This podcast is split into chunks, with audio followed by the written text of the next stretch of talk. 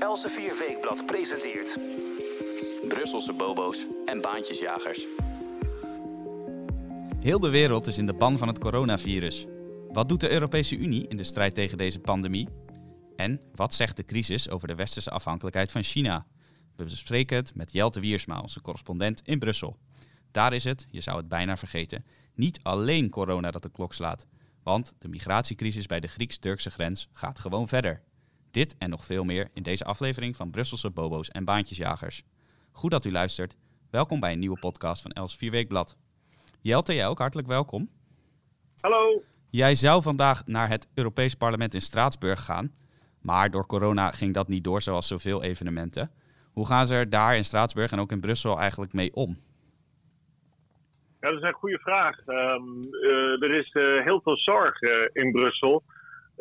Omdat landen voor zichzelf gaan. je moet je voorstellen, landen zoals Frankrijk en anderen hebben aangekondigd dat ze geen export van medische goederen en middelen weer, meer willen. Ja. Um, en daarbij valt dus meteen de Europese solidariteit, die vaak wordt toch, toch vooral de EU te integreren, in duigen. En de ministers van Volksgezondheid zijn een aantal keer bij elkaar geweest. Um, ze doen dat overigens nu via videoconferenties. Uh, om, de logische reden dat ze ook elkaar niet willen aansteken. Uh, mocht een van hen iets onder de leden hebben. Uh, er uh, wordt natuurlijk wel op strategisch niveau gedacht van hoe kwetsbaar zijn wij als um, landen van de Europese Unie en als Europese Unie als geheel. Ja. Uh, in het geval van een crisis zoals we die zien. En dan gaat het vooral over de afhankelijkheid van goederen uit uh, niet-Europese landen. Ja, precies. En uh, wat jij net noemde vind ik ook interessant. Jij zei de, de samenwerking dat valt eigenlijk uit elkaar. Terwijl we juist altijd bij, bij crisis horen dat, dat er Europese samenwerking nodig is. En dat die EU juist is opgericht om, om crisis zoals deze gezamenlijk aan te pakken. Maar in de praktijk wil dat nog niet altijd even goed lukken. Nee, dat gaat helemaal niet zo. We hebben dat gezien tijdens de uh, eurocrisis, annex bankencrisis. Uh, formeel was er één Europese bankenmarkt uh, onder auspiciën van de Europese Centrale Bank. Zeker voor de grote banken geldt dat dat die onder ECB paraplu opereren en gecontroleerd worden en binnen regels van die ECB moeten werken. maar toen de bankencrisis uitbrak, toen zag je dat elk uh, land uh, zijn nationale banken ging redden met Ja. geld uit de schatkist. Uh, en dat alle banken zich terugtrokken op hun thuismarkt. Dus je zag de Nederlandse banken, ING, Rabo, ABN AMRO natuurlijk het bekendste. Die trokken zich eigenlijk grotendeels terug op hun thuismarkt, behalve ING dan. en ja, je, je, dat zag je voor overal gebeuren. In Nederland redden natuurlijk de ABN AMRO. Sterker nog, we kochten ABN AMRO uit de boedel van Fortis, Ja. Belgische Fortis. En um, daarmee, dat werd ook wel aangejaagd door het idee van wij moeten ABN AMRO weer tot een Nederlandse bank maken. Precies. En uit de klauwen van de Belgen halen. Dus die eurocrisis, banken, annex bankencrisis werd ook aangegrepen om eigenlijk nationa te nationaliseren Ja. weer. Uh, en niet te internationaliseren. En dat zie je heel vaak. Als er crisis is, dan is het uh, ieder voor allen en allen voor mezelf. Uh, Ja, dat is wel opmerkelijk. Uh, ik hoorde wel iets over een noodpakket. 25 miljard, als ik me goed heb ingelezen. Is dat nou een bedrag waar we heel veel mee gaan opschieten vanuit Brussel? 25 miljard? Ja, dat is inderdaad um, nog maar de vraag. Er zijn natuurlijk een aantal noodfondsen binnen het EU-budget um, uh, beschikbaar voor, voor crisis. Uh, waarover de Europese Commissie uh, wel consulterend de ministers of de premiers, regeringsleiders kan beslissen. Um, dat, is, dat is de noodhulp eventueel, maar waarvoor dat dient, dat weten we nog niet precies. Nee. We weten wel dat de Europese Centrale Bank uh, ook steunmaatregelen zo nodig uh, uh, aan heeft gekondigd. Die, dat gaat dan in het kopen van bedrijfsobligaties, staatsobligaties, om te voorkomen dat bedrijven niet instorten Ja. en dat er cashflow blijft gaan. Ook al verkopen bedrijven op dat moment weinig of geen producten. Maar dat ze in ieder geval hun, uh, hun personeel uh, aan de gang kunnen houden of kunnen financieren. Ja. Uh, en hun bedrijven overeind kunnen houden. Hoe dat nog precies in detail uitpakt, moeten we zien. Um, vooralsnog zijn het vooral de natiestaten die uh, de leiding hebben. Ja, uh, je ziet dat de, de, de, nationale gezondheidsdiensten, ook omdat gezondheidszorg nationaal is, uh, die zijn, hebben de leiding. Het zijn ook vooral de nationale overheden die met financiële pakketten komen. Want alleen naar Italië komt dan met 25 miljard. Ja. Dus op dat, op dat gebied is 25 miljard van de EU voor de hele Europese Unie is natuurlijk een druppel Precies, op de gloeiende dat valt pa- het niet, plaat. uh, Uh, ja. Het zijn vooral de nationale overheden die hier uh, mee aan de slag gaan. Wat wel opvallend daarbij nog is, is dat alle euro-begrotingregels, die gaan meteen weer overboord. Hè? Ja, dus uh, Italië die zegt ook, we geven 25 miljard extra uit. En ehm, er is eh, niemand in eh, Brussel die daar enig probleem van maakt. En het zou mij niet verbazen als dit wordt aangegrepen, dit coronavirus, om de agenda die ook in Nederland, in de Nederlandse politiek wel doordruppelt, dat, over, dat de overheid meer moet gaan uitgeven en meer moet lenen Mhm. omdat de rente zo laag is, dat die uh, wind in de zeilen krijgt. Ja. En dat, uh, daar heb ik wel enige zorgen over, want uh, kijk, een, juist een lagere staatsschuld is zo nuttig in zo'n crisissituatie, omdat je dan ruimte hebt als land om wat bij te lenen, Precies. om um, je, je, je economie te stutten of een zachte landing in ieder geval te creëren en mensen niet uh, van de ene op de andere dag uh, niet alleen brodeloos en werkloos, maar ook, ook uh, zonder geld laten zitten. En daar wordt nu wel in, in landen die al hele hoge schulden hebben, dan moet je vooral denken aan Italië, België, Griekenland, Frankrijk, er behoorlijk aan geknibbeld. Dus we gaan wel zien de komende tijd of daar vanuit de noordelijke landen, zoals Nederland en Duitsland, die traditiegetrouwde cultuur hebben om het scherper op de publieke uitgaven te letten, mm -hmm. geen tegengas komt.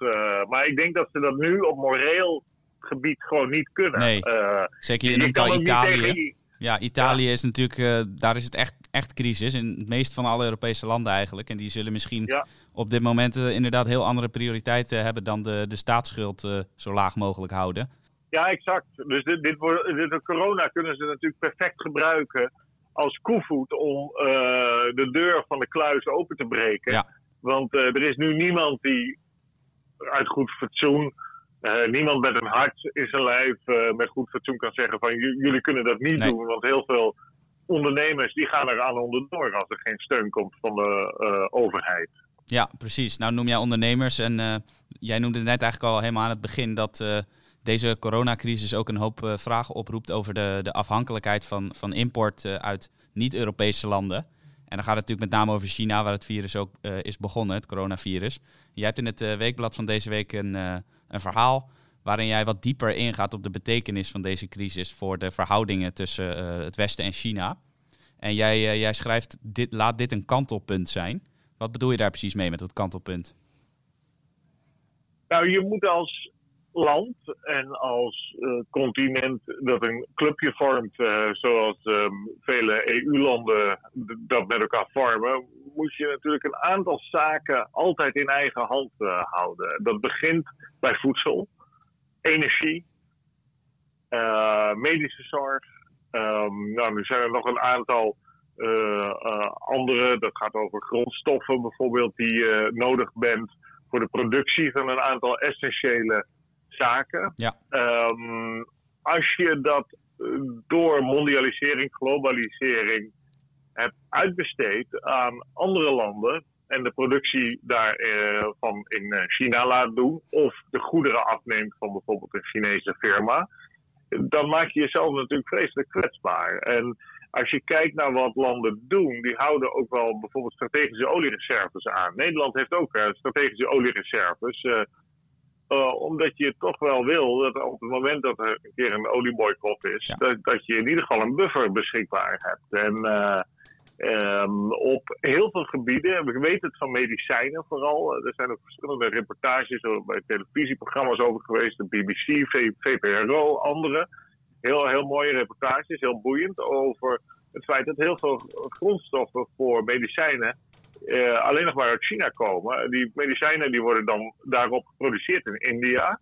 En die komen naar ons toe. Maar in een wereld waarin uiteindelijk ieder voor zichzelf kiest op natiestaatniveau, kan je wel nagaan dat ehm, op het moment dat er tekorten zijn in China zelf, dan krijgt de Chinees als eerste de medicijnen. En dan staan heel veel Nederlanders en uh, andere Europeanen in de kou. Precies. En um, de, corona kan een kantelpunt zijn in het, uh, de terugkeer van strategisch denken. Je moet je voorstellen, vanaf begin jaren negentig, met de val van de Sovjet-Unie, was het idee: hè, de wereld is grenzeloos en uh, alles wordt globaal. Ja de Global Village, hè, het mondiale dorp werd dat wel genoemd. En dat is natuurlijk altijd naïef gebleken.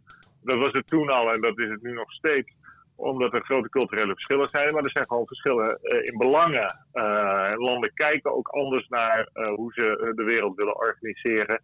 Dus die, maar in die hoogmoed van de jaren negentig, de westerse hoogmoed vooral moet ik zeggen, uh, is strategisch heel slecht nagedacht over um, energie, voedsel, medicijnen en andere strategische uh, stoffen die je moet hebben als, als land, als blok.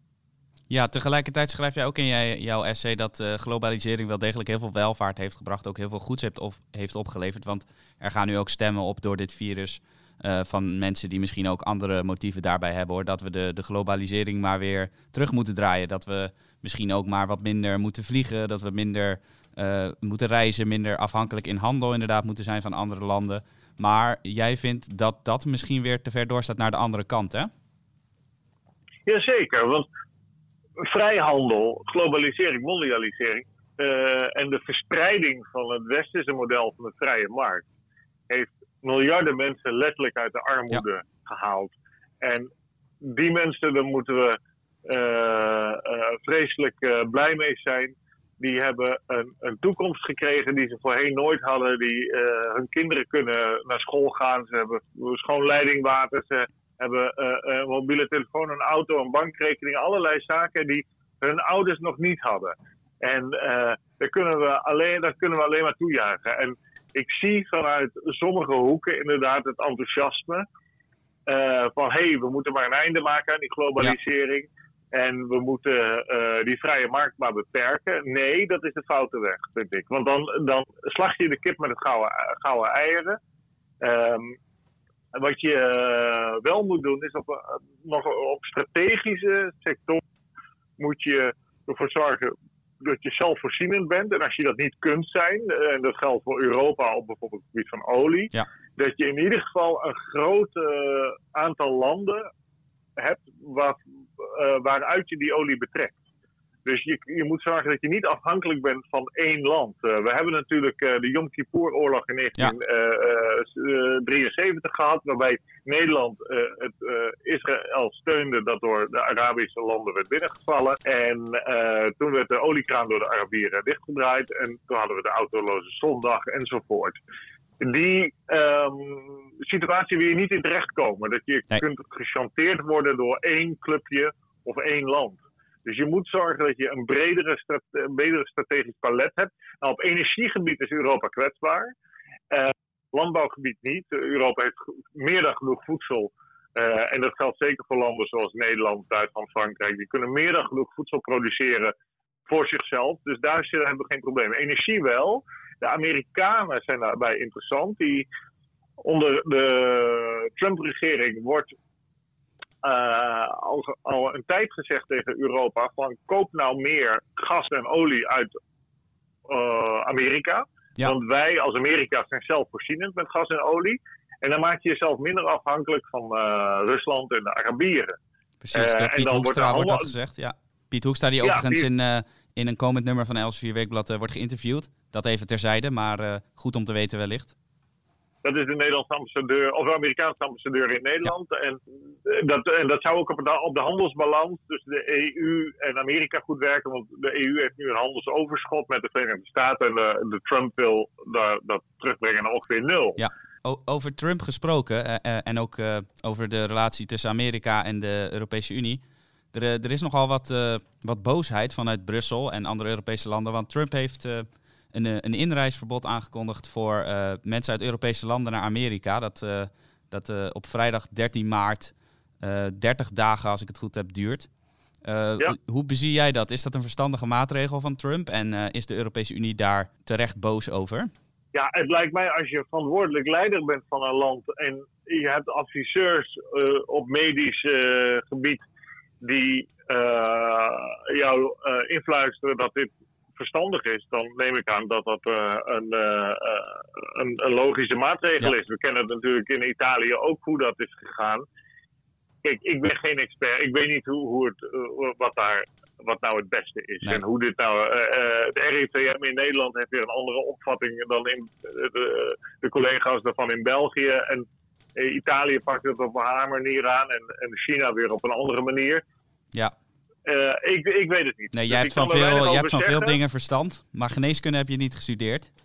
Absoluut niet. Nee precies. Maar, maar interessant om in de gaten te houden. Want uh, het is misschien wel typerend voor de, de, de verhoudingen tussen Amerika en Europa. Dat, dat Amerika op dit uh, gebied vrij rigoureus een eigen plan trekt. En dat je in, in de Europese Unie toch vooral heel veel landen ziet die op eigen houtje proberen te bepalen wat nou het beste is. En ook binnen Nederland is daar natuurlijk best wel wat kritiek op. Dat, de kritiek is bijvoorbeeld dat, dat wij te laat hebben ingegrepen of te weinig doen überhaupt.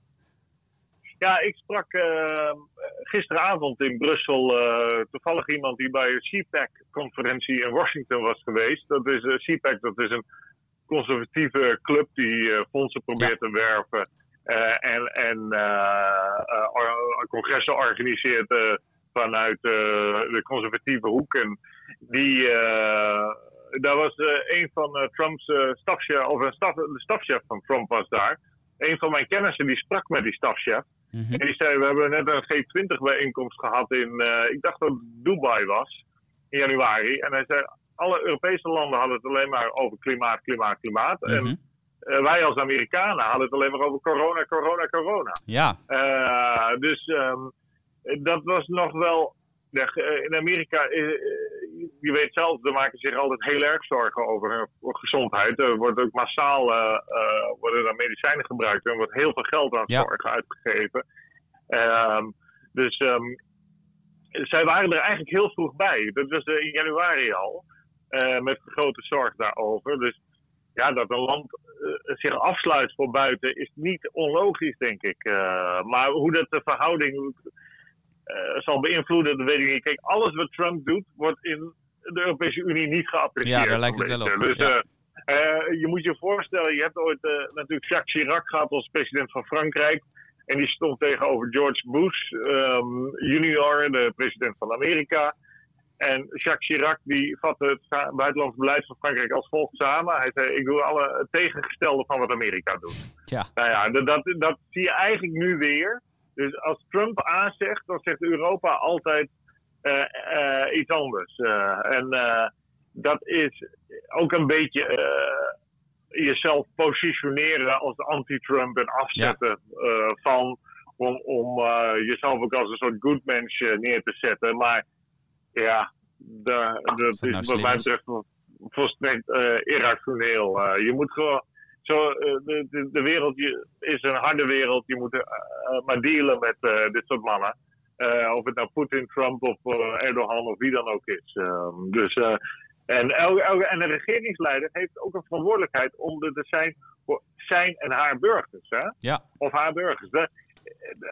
In, ons, in ons land is premier Mark Rutte is er voor de Nederlanders en niet voor andere mensen.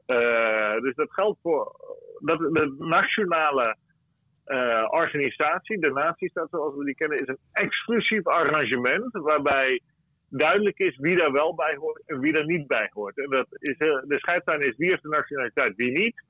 En daar is die regering voor. En dat ja. raakt wel eens wat uit beeld bij uh, vele commentatoren en ook soms regeringsleiders die denken dat ze een soort wereldleiders zijn of zo. Maar dat ben je natuurlijk helemaal niet. Je bent een nationale regering en je hebt de de verantwoordelijkheid om je nationale bevolking te beschermen. Uh, tegen buitenlandse invasies allereerst, tegen elkaar ook. Want mensen slaan elkaar de kop ja. wel eens in natuurlijk. Uh, maar ook in dit soort gevallen tegen eventuele import van virussen of wat dan ook uit het buitenland. Kijk eens naar de BSE-affaire. Ja. de gekke koeienziekte, beter bekend onder die term. Waarbij Engeland bijvoorbeeld de facto in quarantaine werd geplaatst door de EU-landen onder aanvoering van Frankrijk. die zeiden, ja, wij beschermen onze burgers tegen het vlees uit dat land. Ook al was er relatief helemaal niet zoveel aan de hand. En dan is meteen de reflex, nazistaat is in de lead. En dat, dat geldt ja. voor Trump, dat, dat geldt voor Xi Jinping, de president-dictator in China, dat geldt voor Mark Rutte hier en anderen. En Nederland is extra kwetsbaar, hè? Dat, dat moeten we ook zeggen. Wij zijn natuurlijk heel klein. Ja. en wij hebben een grote afhankelijkheid van anderen voor de import van producten. Omdat we zelf weinig grondstoffen hebben. We hebben natuurlijk op landbouwgebied wel veel. We hebben aardgas. Kijk, als het dit lang doorgaat, gaat Groningse gas weer door de leidingen stromen. Want dat is onze belangrijkste energiebron ja. die we binnenlands hebben. Uh, maar voor heel veel andere producten uh, zijn we natuurlijk afhankelijk van import. Dus uh, je ziet ook dat in Brussel is een strijd over moeten we solidair zijn met elkaar en medische goederen delen en sturen naar de landen die het meest getroffen zijn door corona. Dat de kleinere landen zeggen ja, we moeten die grenzen open houden en medische goederen gaan delen. Terwijl de grotere landen, waar ook de productiecapaciteit vaak zit, zeggen nee, wij voeren een exportverbod in. Uh, en je moet een exportvergunning hebben wil je mondkapjes of medicijnen of medische apparatuur willen uh, verkopen. Nederland uh, naar het buitenland. Nederland is ook met zo, op bepaalde gebieden met zo'n exportvergunningsplicht gekomen. Maar de houding is toch meer van laten we het vooral open houden. En ja, dat, is de, dat is toch de kwetsbaarheid van een klein land, blijkt dan. En ja. dan, kleine, kleine landen zijn vaak beter voor burgers dan grote landen. Maar in tijden van crisis zijn grote landen het algemeen daadkrachtiger dan kleine landen. Uh, en hebben meer diepte uh, door hun omvang om, om dat uh, te counteren en hun burgers te beschermen. Ja. Ja, boeiend om in de gaten te gaan houden inderdaad wat onze ontwikkelingen zullen gaan worden met het coronavirus. Maar ook natuurlijk de, de Europese Unie en... Ondertussen speelt er ook gewoon iets wat normaal gesproken waarschijnlijk de, de voorpagina's zou domineren. Maar nu even niet. Maar dan hebben we het over de, de migratiecrisis bij de Turks-Griekse grens. Die is nog allerminst ja. voorbij. Hoe staat het daar nu eigenlijk mee?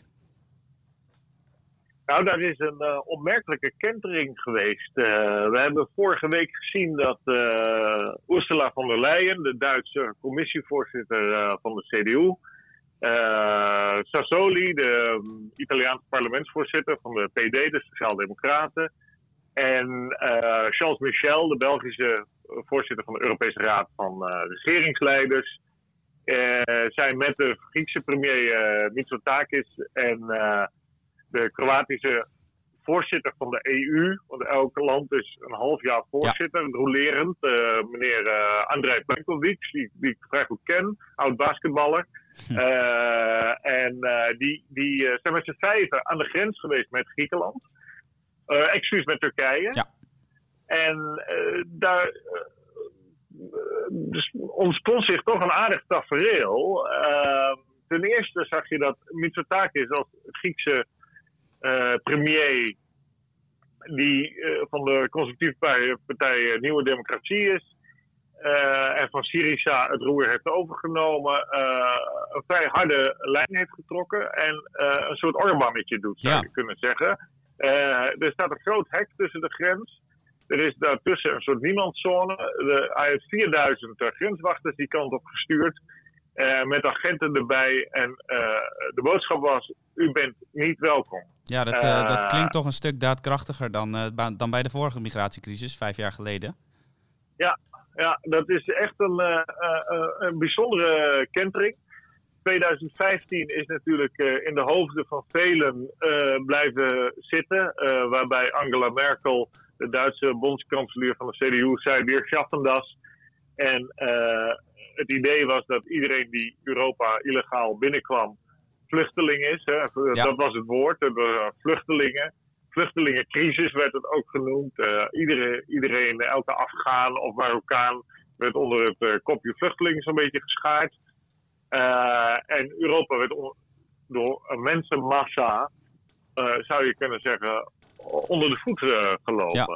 ja, interessant overigens dat, je, dat je het woord vluchteling zo nadrukkelijk aanhaalt. Want het valt mij ook op en velen op onze redactie dat in de berichtgeving, ook in allerlei media, veel vaker nu het woord migrant wordt gebruikt dan vluchteling. Terwijl dat inderdaad vijf jaar geleden uh, precies andersom was.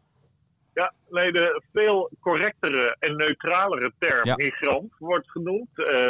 Dat, uh, kijk, als je ideologisch pro-immigratie bent, dan zeg je nogal gauw vluchteling. Als je tegen immigratie bent, zeg je Afrikaanse gelukzoekers of zo. maar beide is natuurlijk ideologisch, maar migrant. Wat eigenlijk in het Nederlands een beetje een rare woord is, maar het komt natuurlijk van het Engels migrant. Dat is wel de term, en dat is een, een goede term wat mij betreft. Dat is in het vocabulaire doorgecijpeld. Wordt nu door eigenlijk alle regeringsleiders van de EU-landen gebruikt. Ja. En, en ook door de kopstukken in de Europese Commissie. En ja, dat is wel heel boeiend, vind ik hoor. Hoe dat, hoe dat zich toch onder druk ook van partijen zoals Alternatieven voor Duitsland. Uh, in Nederland de PVV en Forum is daar ook nog bijgekomen.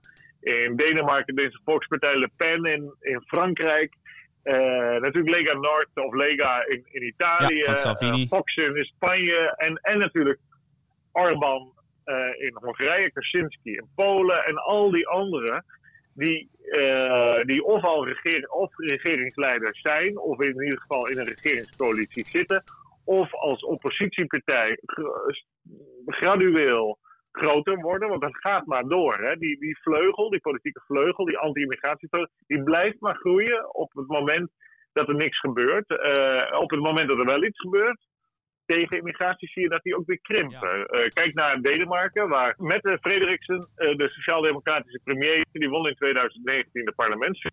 Dat programma, dat lijkt op dat van Geert Wilders. Uh, die Frederiksen uh, die uh, toont dus als, als, als zeg maar, economisch linkse politica hoe je, als je maar anti-immigratie bent en, en voor een integratie aanpak, dat je weer verkiezingen kan winnen als je aan die linkerkant staat. En, dus het is over het hele spectrum, hè? Die, die, zie je die beweging. Dus het is ja, boeiend. van Armand, Armand tot, tot Denemarken, de Sociaal-Democratische Partij, zie je dat het allemaal beweegt. En uh, ja, die vijf EU-kopstukken eh, uh, eh, die dus aan de grens met Turkije stonden, die waren heel duidelijk. Die zeiden, we laten Griekenland niet in de steek. wij gaan Griekenland helpen. Dus er werd niet veroordeeld. En dat is heel interessant ook, want Griekenland doet wat Orbán deed. Ja, en die werd erom verketterd. Zo is het. In 2015 was Orbán in het voorjaar al begonnen met het bouwen van uh, hekken en andere barrières aan de zuidgrens en de oostgrens uh, van zijn land. Om te voorkomen dat mensen uit niet-Schengen-landen in zijn Schengengebied zouden komen. Want Hongarije is lid van Schengen. Ja. Maar ligt aan de grens van niet-Schengen. Dus uh, Hongarije heeft ook de plicht, volgens de verdragen, om de Europese buitengrens te bewaken. En te voorkomen dat de mensen illegaal de grens overgaan. Die plicht is er, die is er altijd geweest. Orman die deed dat niet. Uh, toen, want toen de mensen kwamen, en dat was vooral in de zomer en het najaar van 2015. Uh, eh, toen uh, kwamen er al veel binnen in Hongarije, maar hij probeerde zoveel mogelijk buiten te houden. Kreeg je de wind van voren. En nu is er heel veel kritiek op Orban te hebben op andere vlakken, maar op dit vlak had hij natuurlijk gelijk. En vond hij ook uiteindelijk zijn gelijk in dit jaar, in 2020, vijf jaar later, volop bevestigd. Ja de, de retoriek van bijna alle regeringsleiders, of ze nou van links, rechts zijn, progressief, conservatief, lijkt inmiddels op wat Orban heeft gezegd. En uh, wat Orban deed door het uh, blokkeren van de grens daar, samen met een aantal andere landen die dat ook hebben gedaan, uh, waaronder Slovenië en nog een aantal, is Griekenland eigenlijk geïsoleerd geraakt. Want Griekenland is een Schengenland, maar grenst niet aan een ander Schengenland. Dus Griekenland is eigenlijk een eiland geworden. Uh, en als mensen in Griekenland binnenkomen, kunnen ze niet zomaar meer naar Noord-Europa uh, doorreizen. En het grote uh, voordeel daarvan is dat Griekenland eindelijk zijn verantwoordelijkheid aan het nemen is. Want de Grieken die stuurden altijd iedereen naar het noorden door. Ja, Die willen allemaal niet in Griekenland blijven natuurlijk, die migranten. Ja, mensen, mensen willen niet in Griekenland blijven. maar die Grieken willen die mensen ook niet hebben. Nee. maar nu blijven ze daar. En nu is het een Grieks probleem geworden. En je ziet omdat de meeste macht in heel veel dossiers, ook hier, altijd nog ligt bij de nationale regeringen, dat opeens die Grieken ook veel uh, uh, fanatieker zijn geweest, geworden in het bewaken van hun nationale grens, die tevens de grens van het Schengengebied is. En dus tevens ook de grens van ons allemaal. Ja. En dat is dus een gevolg van uh, Orbán en andere leiders op de Balkan die de boel daar hebben afgegrendeld. En Ehm, er is ook een uh, truc toegepast door ehm, de regeringsleiders die natuurlijk de commissie von der Leyen vorig jaar hebben voorgedragen, waarbij ze Margritis Chinas, de oud-woordvoerder van Jean-Claude Juncker, tot eurocommissaris hebben benoemd voor protecting the European way of life, of defending was het eerst, dat is later nog Ja, dat was nog omstreden promoting is het uiteindelijk geworden, maar dat uh, zijn hoofdtaak is immigratie tegengaan. En doordat zijn Griek van die nieuwe democratiepartij daar neer hebben gezet, dus een partijgenoot van de Griekse premier Mitsotakis, zie je dat er ook veel meer actie wordt ondernomen. Want die, dat hebben ze strategisch heel goed gedaan. Uh, in de organisatie van de commissie. Dat het land waar het probleem het grootst is, die, daar geven die commissarissen ja. uh, aan. En en je ziet dus uh, dat uh, er allerlei landen zijn, ook die zeggen tegen Griekenland, nou we gaan jullie helpen, we gaan misschien grenswachten sturen of boten sturen. Ook Nederland uh, heeft het een en ander beloofd, minister van Defensie Anke Bijleveld, dus van het CDA. Zelfs, nu ze, zelfs nu ze wat andere zaken aan hun hoofd hebben, wordt, wordt Griekenland wel degelijk gesteund. Want je zou zeggen, de, de, de andere landen kunnen hun geld natuurlijk ook besteden aan het coronavirus en de bestrijding daarvan. Ja, dat is zo. Maar dat is toch wel een. Daar is steun voor. Dat gaat allemaal met horten en stoten. Want de EU is redelijk immobiel op dit moment. Het Europese parlement is eigenlijk vleugellam. De commissie moet nog beginnen. En de Europese Raad, daar kunnen ze het op dit moment over helemaal niks eens worden. Maar behalve op dit. Nou, dan, is er, dan is er toch nog wat, wat Europese solidariteit, eensgezindheid, hoe je het ook wil noemen. Je had het net over, over Orbán en je noemde ook even het land Slovenië. Dat is nogal aardig. We hadden het erover van, bij deze podcast moeten we het uiteraard hebben over corona, maar ook de migratiecrisis. Maar een, een kleiner onderwerp, dat is misschien ook wel heel belangrijk voor de, voor de lange duur voor de Europese Unie. Namelijk Slovenië heeft een nieuwe premier. En jou viel iets op hè, over een trend die je in Slovenië en omliggende landen ziet. Ja, Janus Jansa is daar de nieuwe premier. Dan zegt u van wie is dat ook alweer? Ja. Uh, maar die is al twee keer eerder premier geweest. Deze man begon in de jaren tachtig als communist. Is uiteindelijk uh, sociaal-democraat geworden. En is nu een soort Sloveense Orban. Die ja. een vier partijen coalitie gaat aanvoeren daar in Slovenië.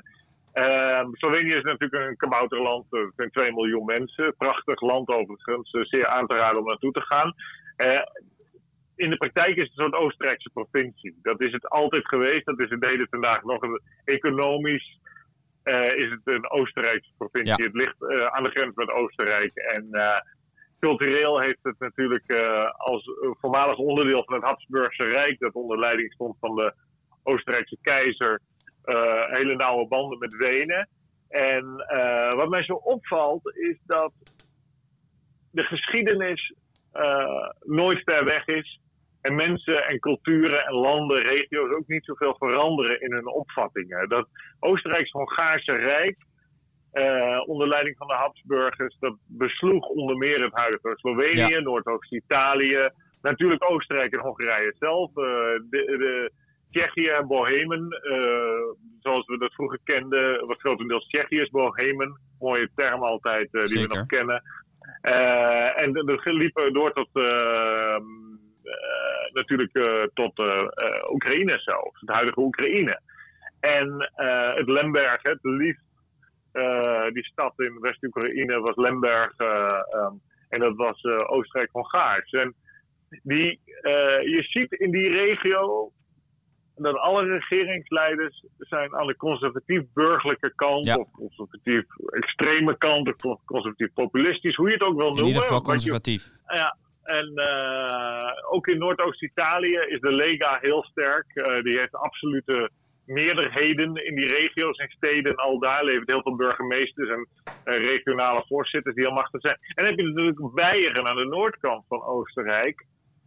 waar mensen zoals Manfred Weber, de leider van de Europese Volkspartij, van de CSU, uitkomt. En je ziet, die mannen kunnen elkaar heel goed vinden. Ja. Dus Weber eh, is een christendemocraat, maar altijd heel nauw met Orbán als Beier. Eh Koert eh, heeft als minister van Binnenlandse Zaken een akkoord weten te sluiten met Beieren, met Orbán, met de Slovenen tegen immigratie. Ja. Dus die, die, die gingen ook onder de vleugels schieten van Berlijn bijvoorbeeld. Die gingen dus met Beieren aan tafel zitten. Ja, Dus die, die mannen die hebben historische reflexen, omdat die, eh, zoals we weten, we zijn producten van onze geschiedenis. We zijn niet heel origineel als mensen. We, we staan op de schouders van onze voorouders. En eh, je ziet eigenlijk daar dat, dat Oostenrijk-Hongaarse Rijk, niet op dezelfde manier natuurlijk, maar in de reflexen weer eh, opstaan. En dat was een in- en in burgerlijk rijk, het Oostenrijk-Hongaarse Rijk. En dat zie je weer, weer, weer terugkomen. Al die landen die eh, zijn ook eh, katholiek over het algemeen. Dat delen ze met elkaar. Dus sterke eh, religieuze verbondenheid. ehm, en eh, ehm, ja je hoort het die, ook altijd aan Orbán. Orbán is, is een van de politici die Europa altijd heel luid en duidelijk een christelijk continent noemt. Wat je met name in Ja. het Noordwesten natuurlijk niet zo snel zal horen. Nee, klopt. Nou, maar Koert zegt dat ook bijvoorbeeld. En dat is typisch, dat is heel goed dat je dat noemt. Dat is typisch uit die hoek van de wereld. Ja. De, de Fransen, de Engelsen, de Nederlanders, Belgen en de mensen uit het westen van Duitsland zouden dat niet zo snel gauw zeggen. Die zijn toch meer beïnvloed door de Franse revolutie. En die heeft Ja. eh, in het oosten of in Centraal-Europa, Midden-Europa moet je eigenlijk zeggen, veel minder zijn sporen nagelaten. En eh, dus die laïcité, die vrijheid van kerk, de staat is daar ook minder doorgevoerd en zo. Ook al is Orbán een protestant overigens, van een protestantse minderheid uit, eh, eh, van 20% uit Hongarije. Meerderheid is katholiek. Eh, maar die, die mannen die vinden elkaar. En dat valt een beetje samen met bijvoorbeeld andere clubjes, zoals de Hanse Club, waar eh toen eh Wopke Hoekstra, Ja. de Nederlandse minister van Financiën van het CDA, de, het initiatief voorgenomen heeft in 2018. Waarbij ehm, een, zeven noordelijke landen, de Baltische Staten, eh, Scandinavische landen, Nederland en, en Ierland, samen aan tafel zitten. En eh, scherp zijn op economie. Zijn ze, we willen ze graag een liberale economie. En anderzijds eh, heel scherp zijn op eh, begrotingsdiscipline en eh, niet te veel staatsinterventie eh, in, eh, in het zakenleven. En daar zie je die reflexen van die Hanse handelaren. Ja, Dat loopt eeuwen door. Je ziet de reflexen van het burgerlijke Midden-Europa. Dat loopt eeuwen door. En dat popt de hele tijd op. Terwijl die EU op dit moment eigenlijk redelijk verlamd is. Eh, daar wil ik het later in een andere podcast en in artikelen nog wel, wel verder Ja, over graag. uitweiden. Eh, Zie je dat er allerlei regionale verbanden eh, oppoppen. Die eh, misschien wel sterker zijn en meer eensgezind ook, omdat ze een geschiedenis Ja, delen en dezelfde opvatting hebben, dan wat er mogelijk is eh, in Brussel waarbij eh, zoveel verschillende landen, 27 in totaal, aan tafel zitten. Dus heel boeiend Ja, zeker, die ja. dynamiek die we daar waarnemen. ook heel, heel interessant dat jij toch, ondanks alle actualiteit die ons soms meesleept, het coronavirus, ook de migratiecrisis, dat jij in deze podcast toch altijd even de, de, de verbanden met de geschiedenis weet te leggen. Dat is voor mij eh, en ik, ik hoop ook voor u een van de redenen om deze podcast altijd met heel veel interesse eh, te luisteren. Ehm, ik wil toch nog even over de actualiteit hebben. Eh, het gaat ook over conservatieven in de Europese Unie in dit geval.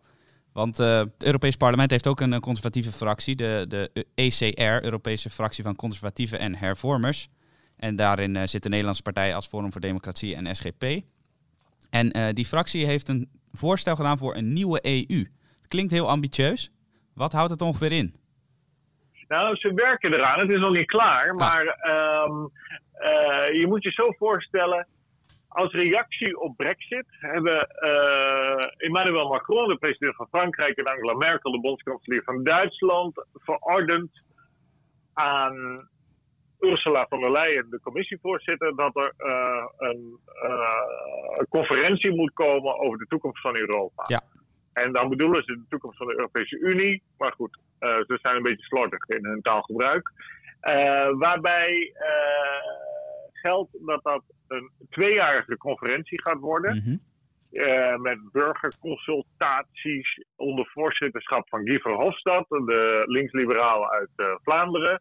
En oud aanvoerder van de linksliberale fractie in het Europees Parlement. En Guy Verhofstadt, die ja, dan weet je wel wat eruit komt. Ja. En je weet ook wel, als, je, als Macron en Merkel het vragen, het bestellen eigenlijk, dan weet je ook wel wat eruit komt. Dus wat gaan we zien? Uh, we gaan zien dat de meerderheid in het Europese parlement van pro-integratiepartijen, dat zijn uh, christendemocraten, sociaaldemocraten, liberalen, groenen, dat die samen de komende twee jaar iets gaan samenstellen waarbij uit, waar uitkomt, nou, we moeten meer EU-integratie ja, hebben. Ja, een, dus een aantal podcasts geleden voorspelde jij dat ook al inderdaad, want we hebben deze conferentie al even benoemd. Maar er is dus ook nog een kleine, kleine vleugel van het Europees Parlement die het toch helemaal anders wil. En de Nederlandse Ja, nee, partij dat- is daarin best eh, prominent aanwezig, hè? Ja, dat is, zo, dat is wel, denk ik, boeiend en nuttig. Want eh, dat de ECR-fractie, dat is, eh, zou ik zeggen, eh, aan de conservatieve rechterkant de, de sterkste, intelligentste en ook best georganiseerde fractie. Eh, daar eh, wordt gewerkt dus aan een alternatief voor wat je nu al kan voorspellen dat er uitkomt van, van die conferentie van eh, de toekomst van Europa. En daarin, eh, dat staat onder leiding van eh Dirk-Jan Epping. Dat is de delegatieleider, zoals het heet, van, van de drie Forum voor Democratie leden in die ECR-fractie. En eh, ja, Epping is natuurlijk een hele slimme figuur. Die heeft, eh, was journalist voor NRC Handelsblad en De Standaard, de Vlaamse krant. Ja, heeft ook voor, en voor Elsevier Weekblad geschreven, kortstondig. ja, werkte voor het kabinet van Frits Bolkestein toen hij Eurocommissaris was. Heeft voor een Belgische partij, Lijst de Dekker, in het Europees Parlement al gezeten. Heeft lang voor een conservatieve denktank in de Verenigde Staten gewerkt. En is eh, sinds eh, 2019 eh, verkozen namens Forum voor Democratie in het parlement. Ja. En we gaan eh, zien wat er van komt. Want het is wel nuttig dat er een tegenbeweging komt die niet alleen maar nee en nee en nee zegt. Want dat eh, geldt veelal voor de partijen die eh, zeggen, eh, nou die EU-integratie, dat kan wel wat minder. Of we moeten juist weer macht terugbrengen naar de natiestaten.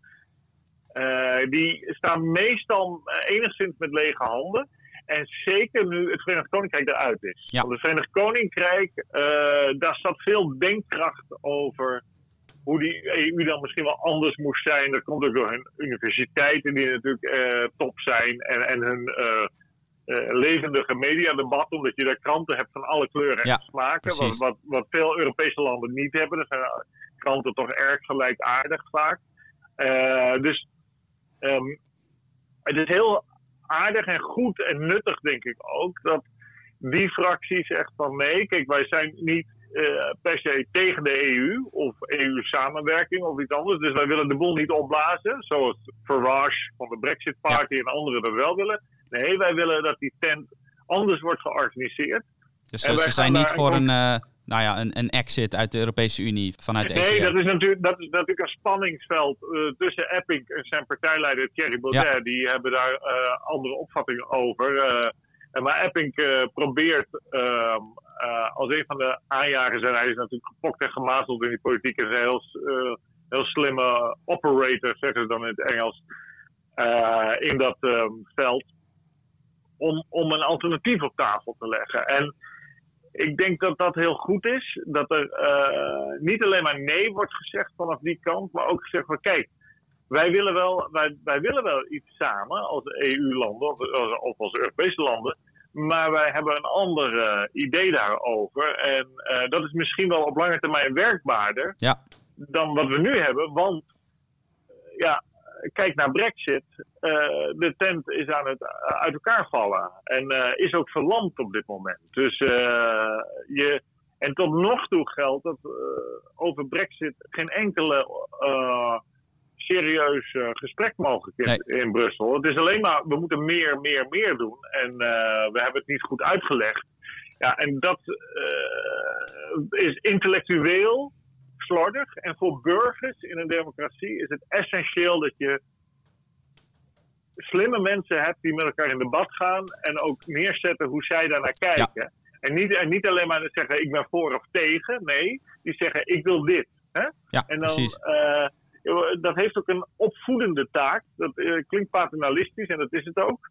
maar dat is het deel, eh, dat is het onderdeel, een onderdeel van democratie. Dat politici met elkaar debatteren en dat de burgers daar ook kennis eh, opdoen over die kwesties. En eh, ja, als je alleen maar nee zegt, dan bouw je geen kennis op. En, Precies. eh, nou, dus heel, heel goed in dit dus geval. dit- Dus dat, dat die ECR inderdaad die, die constructieve rol probeert te spelen. Erg interessant Ja, om... of, je het ermee, of je het ermee eens bent of niet, Ja. inhoudelijk straks, wat eruit komt, dat moeten we dus nog zien. Dat maakt niet uit. Hè. Het gaat puur mij om het feit dat, dat in ieder geval wordt neergezet. Dat die Ja. denkoefening wordt gema- gemaakt. Dat, daar zit voor mij de waarde in. Dus eh, we gaan zien eh, Ja. of we het uitkomen. Misschien, misschien is het, wordt het een fotje hoor. Eh, maar gezien de persoon van Epping verwacht ik dat er een heel serieus voorstel uit zal komen. Wat misschien wel eens een nieuwe generatie politici, zoals Sebastian Kurz in Oostenrijk als kanselier en anderen, kan, kan aanspreken. Ja. Zij, zij, zij willen bijvoorbeeld, dat is heel belangrijk, eh, dat weet ik toevallig al, eh, eruit halen dat je als EU-land de verplichting hebt om uiteindelijk eh, de euro in te voeren. Hm. Want landen zoals Zweden moeten de euro invoeren, verplicht. Ja. Maar die, dat, dat doen ze niet. Die houden de Zweedse kroon door met opzet te doen alsof ze niet aan de euroregels voldoen. Nou, dat is niet zo. Als er één land aan de euroregels voldoet, is het Zweden wel. Eh, dus die, halen een truc uit, omdat ze een, eh, een referendum hebben gehad. En, ze, en daarin zeiden de burgers, wij willen die euro niet. Eh, maar je moet dus verplicht, ook, ook Polen, Tsjechië, allemaal landen die dat helemaal niet willen, die moeten verplicht in die euro. En zij willen bijvoorbeeld dat eruit halen. En zeggen van, we gaan niet eh, zeggen eurolanden of, of niet-eurolanden zijn beter of minder. Nee, nee, nee. Eh, en dat lijkt me al een nuttige stap ook. Eh, waarom niet die diversiteit die Europa zo mooi, mooi maakt koesteren? Absoluut. Nou, heel, heel boeiend om in de gaten te gaan houden. Dat is in deze podcast vast het laatste woord nog niet over gezegd. We zijn alweer een tijdje bezig, dus ik denk dat dit wel een, een mooi moment is om er een einde aan te breien.